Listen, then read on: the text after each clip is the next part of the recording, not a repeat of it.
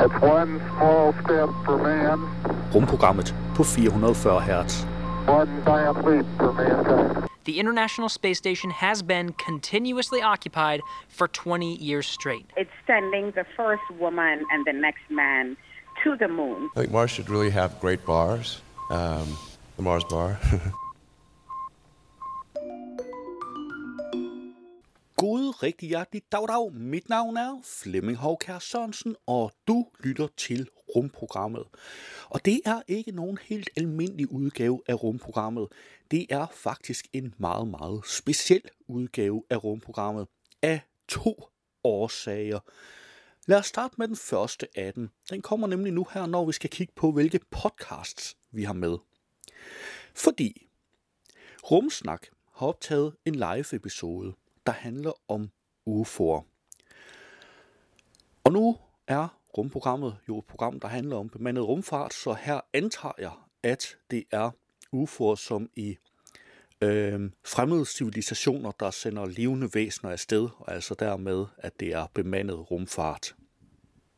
Ja, øh, og jeg havde egentlig ikke tænkt mig at tage den med, men så var der bare det ved det, at Transformator, altså ingeniørens podcast Transformator, de kiggede også på det. Øh, fordi de ser på, at om antigravitation kan forklare UFO's flyveegenskaber. Og så havde jeg sådan lidt, havde den stået alene, så havde jeg heller ikke taget den med. Men nu er det bare det ved det, at øh, til sammen, så, øh, så giver det egentlig meget god mening. Så tager jeg dem bare med sammen. Så kan de supplere hinanden. Derudover så har jeg også nogle mere traditionelle podcast. Der er en uh, Houston We Have a Podcast, der handler om øh, uh, NASA's Space Launch System, som jo uh, snart skal ligesom skal i brug uh, til Artemis-missionerne, altså uh, de, de kommende månemissioner.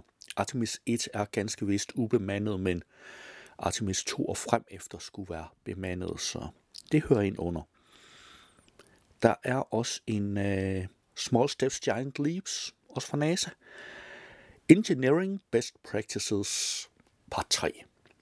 Og øh, ja, den handler jo, jo, jo så øh, også om noget øh, øh, faktisk månerelateret. Den handler om, om den her store raket. Derudover så har vi lige en, øh, en sidste, femte og sidste podcast, vi skal høre et klip fra. Og det er igen Houston We Have a Podcast, Private Astronauts.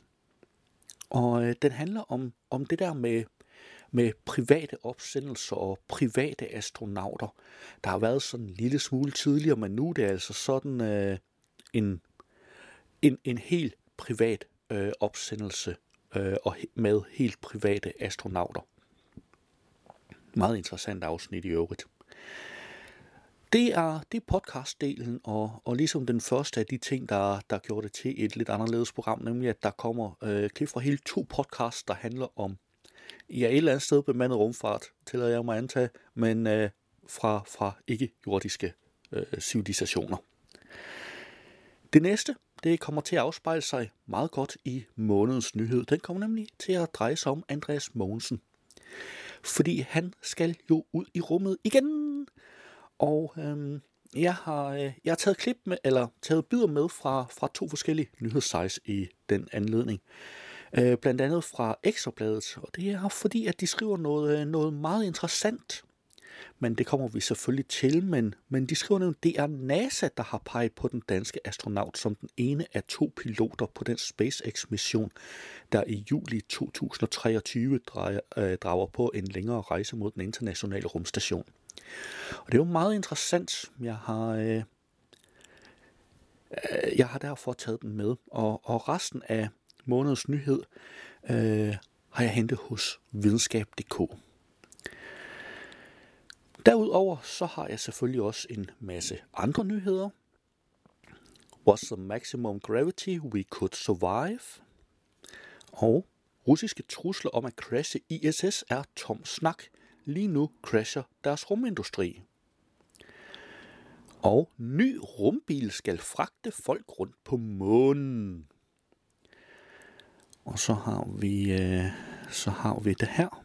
China wants its new rocket for astronaut launches to be reusable.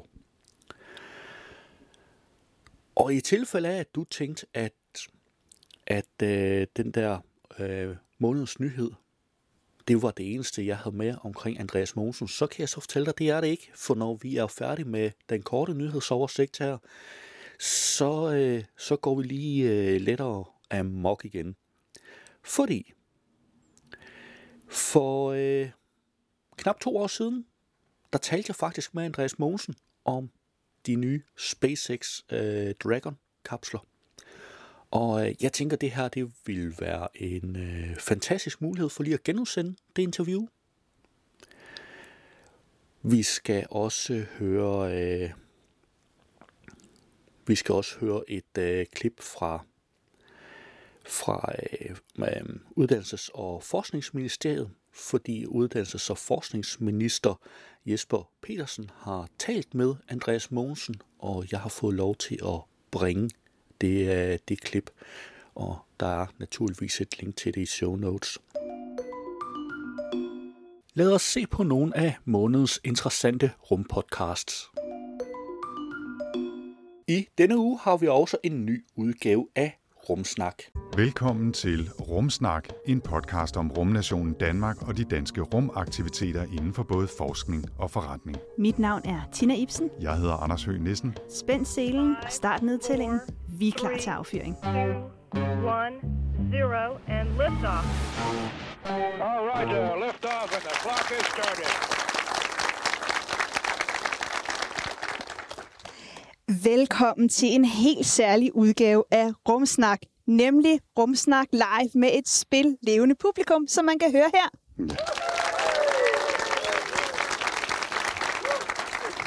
Vi har ikke bare det klogeste, men også det mest velopdragende publikum. og den her gang, øh, ja, det er en rumsnak live, og vi skal også takle et helt specielt emne i krydsfeltet mellem kultur, samfund og videnskab. Det skal nemlig handle om UFO'er. Ja, for i år er det 75 år siden, at UFO'er i moderne forstand blev en del af vores fælles kultur, da forretningsmanden Kenneth Arnold vendte tilbage fra en lille flyvetur og fortalte, at han havde set ni ukendte luftfartøjer, der bevægede sig som underkopper, der står smut hen over vand. Så vi graver ned i UFO'erne som fænomen og som videnskab, og det gør vi i selskab med tre eksperter, nemlig Jakob Stelmann, som i mange år har været vært på programmet Troldspejlet, Frederik Dirk Gottlieb, der er vært på radioprogrammet Flyvende Tallerken, og endelig lektor Troels C. Petersen, der vil gøre os klogere på fysikken bag det hele. De får hver især lov til at fortælle om deres eget take på UFO'er, og så mødes de til sidst til en fælles samtale med spørgsmål fra publikum her i salen, og vi kan godt afsløre, at vi har gang i et lille eksperiment i den forbindelse. Det var et kort klip fra Rumsnak, og du kan naturligvis finde et link i show notes. Vi skal høre en bid fra Ingeniørens Transformator podcast. To eksempler på lyde. Den første et stykke op i atmosfæren.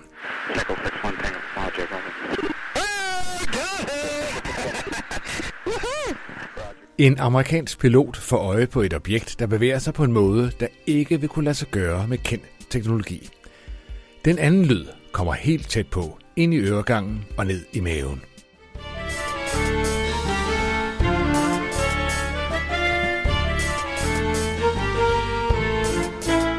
Det er lyden til patient, der får kureret senfølger med specielt fremstillet musik.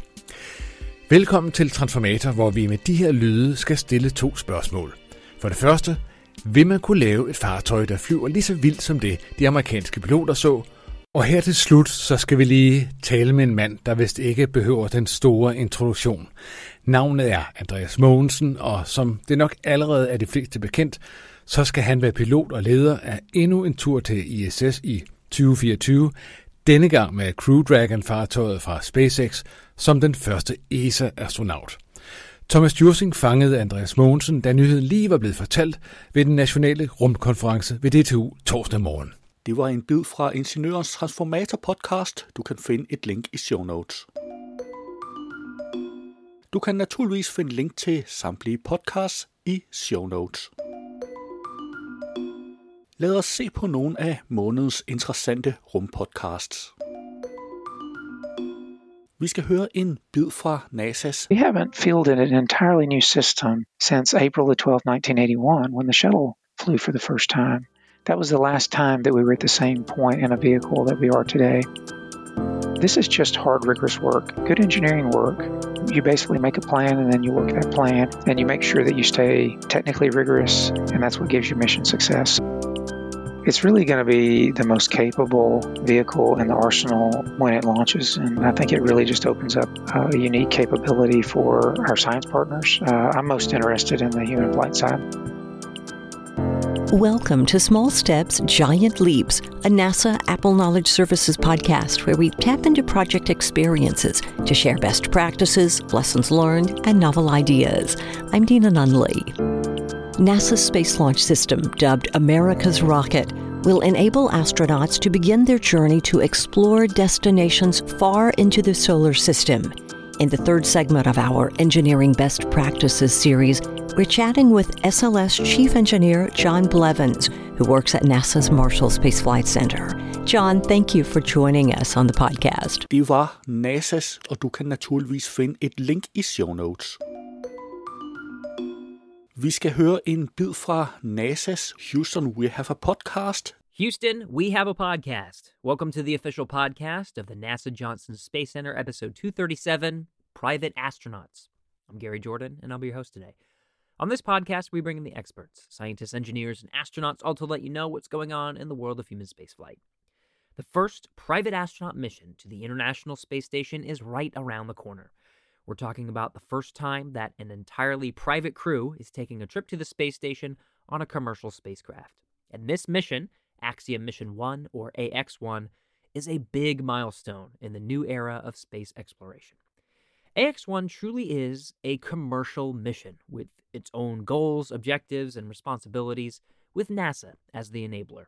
And NASA's goal is to see more of these kinds of flights to build a robust commercial economy in low Earth orbit. And NASA can be a customer of this commercial industry. Ahead of the mission, for the first time, we're going to replay a previous episode, episode 212 Private Astronauts. AX 1 is a private astronaut mission. And this episode does a good job of laying out why and how NASA is enabling these types of missions to fly to the International Space Station as part of a grander commercialization strategy. Joining the podcast is Angela Hart and Dr. Camille Elaine. Angela is the manager of the Commercial Low Earth Orbit Development Program here at the Johnson Space Center. Her previous role was with the Commercial Crew Program. Camille is returning to the podcast. She was on episode 158 to discuss the commercial lunar payload services efforts at NASA, and she's since taken on the role of deputy manager of the Commercial Low Earth Orbit Development Program. Stay tuned till the end of this episode to go over some updates since I last chatted with Angela and Camille in September of 2021. Let's get right into it. Enjoy. Det var NASA's We Have a Podcast, og du kan naturligvis finde et link i show notes. Vi skal høre en bid fra NASA's Houston We Have a Podcast, der har en måne-episode. Houston, we have a podcast. Welcome to the official podcast of the NASA Johnson Space Center, episode 234 SLS. I'm Gary Jordan, and I'll be your host today. On this podcast, we bring in the experts, scientists, engineers, and astronauts, all to let you know what's going on in the world of human spaceflight and more. NASA is returning humans to the moon and will put the boots of the first woman and the first person of color on its surface through the Artemis program. To get there, NASA is building its most powerful rocket yet, the Space Launch System, or SLS. We had conversations about this rocket early in the podcast history, episodes 41 and 42, if you want to check them out. I think it's about time for a refresher, and even better yet, a deeper dive into the vehicle's construction and components. To do so, we're talking with none other than Dr. John Blevins, Space Launch System Chief Engineer. Advanced degrees in mechanical and aerospace engineering and decades of experience at NASA working on rockets and propulsion make him the right guy for the job. I'm very excited to learn more about this rocket, so let's get right to it. Enjoy. Det var NASA's We Have a Podcast, og du kan naturligvis finde et link i show notes. Du kan naturligvis finde link til samtlige podcasts i show notes. Som månedens nyhed har jeg valgt en nyhed fra Ekstrabladet og videnskab.dk. Hvis vi starter med Ekstrabladet. De havde overskriften Andreas Mogensen på en ny rejse til International Rumstation. Andreas Mogensen, der i 2015 blev den første dansker i rummet, skal endnu en gang trække i rumdragten. Det oplyser Uddannelses- og Forskningsministeriet i en pressemeddelelse. Det er NASA, der har peget på den danske astronaut som den ene af to piloter på den SpaceX-mission, der i juli 2023 drager på en længere rejse mod den internationale rumstation ISS, hvor de skal være frem til februar 2024. Dermed bliver Andreas Mogensen den første ikke-amerikanske pilot til at styre et Crew Dragon rumskib. Og så tænker jeg, at vi fortsætter med øh, videnskab.dk's artikel om emnet. De har overskriften Officielt. Andreas Mogensen skal på stor rumrejse. Her er rejseplanen. I 2015 blev han den første dansker i rummet. Nu er Andreas Mogensen er der klar til at trække, trække i rumdragten og drage på endnu en rumrejse. Det er netop blevet offentliggjort af Josef Aksbakker, der er generaldirektør for den europæiske rumfartsorganisation ESA, og dermed Andreas Mogensens øverste chef, på en stor rumkonference, som løber af stablen på Danmarks Tekniske Universitet. Ifølge den rejseplan, der er lagt for den danske astronaut, forventes han at sætte kursen mod den internationale rumstation i 2023 eller starten af 2024. Andreas Mogensen skal sidde som pilot på en NASA-mission i et SpaceX-rumfartøj, der opsendes fra Florida i USA. Han bliver dermed den første ikke-amerikanske pilot til at styre et Crew Dragon rumskib. Siden sin første flyvning i 2015 har Andreas været uvurderlig medlem af ESA's astronauthold som bindeled mellem europæiske astronauter og NASA's Johnson Space Center i Houston, Texas. Vi hører ham jævnligt guide astronauter gennem deres rumvandringer via radio fra Mission Control, og jeg ser frem til at høre hans stemme igen via radio fra rummet, siger øh, Joseph Aksbakker. Andreas' opgave som pilot er et tegn på det gode forhold mellem ESA og NASA, fortsætter generaldirektøren. Missionen er sat til at vare omtrent et halvt år. Det er en fuldvoksen mission og betydeligt længere end Andreas Mogensens første tur i rummet, som varede 10 dage. I et længere interview med videnskab.dk sætter astronauten flere ord på den forestående tur, som han er stolt over at være en del af. Og jeg kan så fortælle, at i den her artikel, der er der et link til interviewet. Det er noget, jeg har set frem til lige siden jeg landede sidst i 2015, og det er noget, jeg arbejder frem mod. En af årsagerne til, at jeg fortsat i jobbet, er netop for at komme afsted igen, så det er stort, siger Andreas Mogensen til videnskab.dk. De primære opgaver vil være at bidrage til forskning, udvikling og vedligeholdelse af rumstationen, og hvis det bliver nødvendigt, kan han sågar ende på en rumvandring, uddyber han. Det bliver ikke meget større, udbryder professor John Leif Jørgensen, da videnskab.dk fanger ham over telefonen. Han er professor og forskningsleder ved DTU Space på Danmarks Tekniske Universitet og har fulgt Andreas Mogensens udvikling som astronaut over årene. Og som han siger, er det ikke Danmarks meget beskedende økonomiske bidrag til ESA, der har sikret Andreas Mogensen endnu en tur til rummet. Det skyldes ganske enkelt, at han er en perfekt astronaut. Det er lidt svært at tro, at det er gået så godt her. Vi var forbavset over, han kom op i første omgang, da vi i Danmark ikke bidrager så meget til ESA-programmet. Derfor har vi stået lidt længere tilbage i køen. Men jeg hører fra hans kollegaer i Houston, at han er den perfekte astronaut. Det er Andreas' fortjeneste, at han kommer op igen. Han er virkelig unik, og at de vælger ham til det her er en stor ære, og det viser, hvor god han er, siger John Leif Jørgensen. Artiklen den er faktisk en hel del længere end det her. Der er selvfølgelig links til begge artikler, både den fra øh, Ekstrabladet, som nævner, at det er NASA, der har bedt om det, og den meget lange og uddybende artikel fra videnskab.dk, hvor der også bliver hentet lidt i den retning, uden det bliver sagt. Ja, som sagt, links til begge artikler finder du i show notes. Det er faktisk ikke det eneste om Andreas Mogensen denne gang. Efter den korte nyhedsoversigt, så fortsætter vi med Andreas Mogensen. Lad os se på nogle af månedens nyheder. På astronomy.com har jeg fundet What's the maximum gravity we could survive?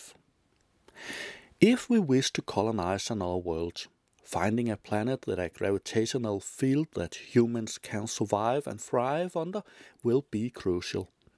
If its gravity is too strong, our blood will be pulled down into our legs, our bones might break, and we could even be pinned helplessly to the ground. Finding the gravitational limit of the human body is something that's better done before we land on a massive new planet. Now, in a paper published on the preprint server, ARSIF, three physicists claim that the maximum gravitational field humans could survive long term is four and a half times the gravity on Earth. På Ingeniøren har jeg fundet. Russiske trusler om at crashe ISS er tom snak. Lige nu crasher deres rumindustri. Hvem vil forhindre ISS i at styrte ned over USA eller Europa? Den 100 ton tunge konstruktion kan også ramme Indien eller Kina. Sådan lød ordene for nylig fra chefen for det russiske rumagentur Roskosmos. Udbruddet var en reaktion på, at USA indførte sanktioner, der med præsident Bidens ord, ville ramme russisk high-tech-industri herunder deres rumprogram. Og udbruddet fra den altid bramfrie rumchef og tidligere politiker var ikke helt overraskende. Tilbage under Krimkrisen troede han også med at forlade rumstationen. På AV-eksperten har jeg fundet. Ny rumbil skal fragte folk rundt på månen. Vi ser flere og flere rumfartsvirksomheder, som satser stort på at udvikle innovative tiltag i forhold til at sende folk til månen. Nu melder et amerikansk startup sig på banen med en ny opfindelse. Det er et særligt køretøj, der er beregnet til at fragte folk og forskellige former for gods rundt omkring på månen. Venturi Astrolabs nye rumbil hedder Flex, som står for Flexible Logistics and Exploration. Det nye køretøj er i stand til at samle ting op fra månens overflade og transportere det videre fra A til B. På Space.com har jeg fundet China wants its new rocket for astronaut launches to be reusable. China is planning for its next generation crew launch vehicle for missions to a space station and the moon to have a reusable first stage. The new rocket would allow a reusable launch option for sending astronauts or cargo to China's new Tiangong space station, while a larger version would allow China to send crew on lunar and deep space missions. Du kan naturligvis finde link til alle nyhederne i show notes. Tilbage for knap to år siden talte jeg med Andreas Mogensen om den nye SpaceX-kapsel, og jeg tænker, at vi skal genhøre det interview, nu hvor han jo selv skal have en tur med nævnte kapsel. Med mig på telefon i dag, der har jeg Andreas Mogensen, Danmarks eneste astronaut, og han sidder lidt langt væk. Han sidder i USA. Hvorfor gør du det? Og goddag, Andreas. Ja, goddag. Jamen, altså, jeg øh, er fuldstændig af ESA, den europæiske rumorganisation, men øh, lige i øjeblikket, øh, der arbejder jeg øh, her i Houston, Texas, på det, der hedder NASA's Johnson Space Center. Og det er simpelthen fordi, at øh, NASA det er vores øh, største samarbejdspartner, i hvert fald når det gælder øh, bemandet øh, rumfart. Um, så vi har altid en europæisk astronaut herover i Houston, Texas, um, og den rolle, den øh, overtog jeg for ja, tre år siden cirka. Um, så jeg sidder her sammen med NASA's astronauter øh, side om side og øh, fungerer lidt ligesom forbindelsesled mellem de europæiske astronauter og så NASA's astronauter. Det lyder jo super spændende, men så er du jo også den helt rette mand til at øh, fortælle os, øh, hvorfor var det så stor en begivenhed, at at øh, den her Falcon 9 blev sendt op med en øh, Crew Dragon-kapsel med amerikanske astronauter ombord. Jeg mener, det er jo ikke første gang i verdenshistorien, at amerikanerne sender astronauter op. Nej, men det var alligevel øh, historisk, fordi det er heller ikke så ofte, at der bliver udviklet øh, et nyt bemandet rumskib. Øh, man sige, før Crew Dragon, øh, det sidste rumskib, amerikanerne udviklede, det var jo rumfærgen, øh, der blev udviklet helt tilbage i slut, ja, man startede jo i, i faktisk i, i slutningen af 60'erne eller starten af 70'erne med at udvikle rumfærgen, og den fløj så første gang i 1981. Uh, øh, så man kan sige, at det her det er ligesom øh, et af de nye, moderne rumskibe, der er blevet udviklet. Um, og så har NASA eller Amerika jo ikke været i stand til at sende nogen op fra amerikansk jord, siden rumfærgen blev pensioneret i 2011. Så på den måde øh, har det været historisk. Derudover så er det også historisk, det er første gang, at øh, NASA ligesom har tilladt et privat firma, i det her tilfælde SpaceX, at udvikle øh, sige, deres egne raketter og rumskibe, og så køber NASA så, så en, hvad man siger, en billet uh, til rummet for deres astronauter. Så det fungerer lidt ligesom en, nærmest en, en taxa-service, kan man sige det er en meget avanceret taxa-service. Og faktisk, nu siger du, at det er første gang NASA, de, øh, de køber det ved et kommersielt firma, men er det ikke øh, faktisk første gang i verdenshistorien, at det bliver købt hos et kommersielt firma? Jo, det er rigtigt. Det er første gang. Altså typisk så er det jo, øh, har det været øh, NASA eller det russiske rumagentur, eller øh, også det kinesiske rumagentur, som selv har øh, udviklet øh, deres raketter og rumskib, så det har du fuldstændig ret i. Det er første gang i verdenshistorien. Ja. Hvad er dit indtryk? Jeg går ikke ud fra, at du selv har, øh, har prøvet at, at være ind og sidde i en Crew Dragon, men hvad er dit indtryk af forskellen på den og Soyuz, som du selv har været sendt op med? Altså først og fremmest så er det jo en, øh, et, et, et nyt fartøj. Soyuz blev udviklet øh, tilbage i, i midten af 60'erne. Øhm, og det, det ser man og, og det mærker man, så snart man sætter sig ind i, i, i Soyuz. Altså, Soyuz er, er utrolig imponerende. Uh, bare det, at det har fungeret så lang tid, det er utrolig robust og pålideligt og, og fungerer øh, fremragende. Men man mærker, at man kan se, at det er øh, nogle gamle systemer. Uh, så Crew Dragon ligner jo noget fra, fra science fiction i forhold til, til, til Soyuz, kan man sige. Uh, derudover så er, er Crew også lidt større. Øh, NASA vil typisk sende fire astronauter op til rumstationen ad gang. Men øh, så vidt jeg ved, så kan man i øh, yderste tilfælde sende helt op til syv astronauter afsted ombord på Crew Dragon. Ja, det er jo en ret stor kapsel. Nu her, øh, hvis nu vi siger, når du selv skal sendes op igen, vi håber vel alle sammen på, at du stadig skal op en tur mere på et tidspunkt, hvor kunne du så ønske dig, at ESA købte opsendelsen i Rusland eller i USA? Ja, altså jeg håber helt sikkert på at, komme afsted igen. Uh, men om det bliver med Soyuz uh, eller Crew Dragon eller også uh, Starliner, som Boeing uh, udvikler. Boeing er jo også i gang med at udvikle uh, et, uh, et bemandet rumskib, som NASA også vil gøre brug af. Vi håber øh, til næste år, at, at Boeing vil være klar. Øh, men om, om min opsendelse bliver det SpaceX eller Boeing eller, eller Soyuz igen, det er, det er sådan set helt lige meget, bare jeg kommer afsted igen. Jamen, øh, ved du hvad, så skal du have rigtig, rigtig mange tak. Jamen, det var så lidt. Uddannelses- og forskningsminister, a.k.a. rumminister, Jesper Petersen, har talt med Andreas Mogensen angående hans kommende tur til rummet, og jeg har fået lov til at bringe samtalen. Andreas, meget stort tillykke med øh, din nye mission. Jamen, tusind tak. 3, 2, 1. Hvorfra skal du sendes op? Hvordan kommer det til at, at foregå? Denne gang så skal jeg op med uh, SpaceX Dragon rumskibet fra Kennedy Space Center i Florida. Et helt nyt rumskib, som jeg også skal bruge uh, meget af tiden i de næste halvandet år på at, lære at kende for jeg skal være pilot mm. på Dragon-rumskibet. Det er første gang, at NASA har tilladt en ikke-amerikaner at være pilot øh, på et af deres rumskib, så det glæder jeg mig utrolig meget til. Jeg kan huske, at du var afsted sidst, også hvor interessen jo var meget stor. Hvordan var det så at komme fra rummet og hjem til jorden? Det er noget meget specielt øh, at få lov til at se jorden øh, derude fra. Vi har endda et navn for det, vi kalder det the overview effect. Mhm. Mm-hmm. Altså den ændring, der sker, øh, når man første gang ser jorden udefra som sådan en planet, en helt planet, som vi alle sammen deler.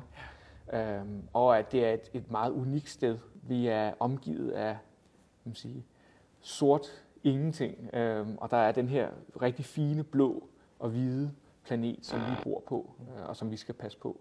Noget af den vigtigste fordring så for at gøre det i de her år handler om, om klima ja. og hele den grønne dagsorden. Hvordan bidrager rumfart og rumekspeditioner egentlig til, øh, til det? Et godt spørgsmål, fordi de fleste af os forbinder rumfart og rumforskning med, hvad der er derude. Men rumfart handler i lige så høj grad om jorden og om vores egen planet. Geologi, biologi, dyr, planter, solen, alt sammen påvirker jorden, øh, og hvordan jorden øh, muligvis vil ændre sig øh, i fremtiden på grund af alle de her forskellige øh, påvirkninger. Så øh, forskning i, i jorden øh, og jordens tilstand er, udgør en meget, meget stor del af, af det arbejde, vi laver. Mm. Og vi har så en opgave øh, med din observation i at passe på jorden og det øh, liv, vi har her. Det synes jeg er en god øh, formaning at tage med for os alle sammen. Det har været en fornøjelse at møde dig, Ja, øh, og jeg tror godt, du kan regne med, at der ligesom sidst vil sidde mange tusind danskere og, øh, og følge med. Stort tak til Uddannelses- og Forskningsministeriet, fordi jeg måtte have lov at bringe samtalen. Du kan naturligvis finde et link til den i show notes. Det var alt, hvad jeg havde i rumprogrammet for denne gang. Vi lyttes ved om en måned. Rumprogrammet er hjemhørende på 440 Hz. Du kan finde mere på 440hz.net.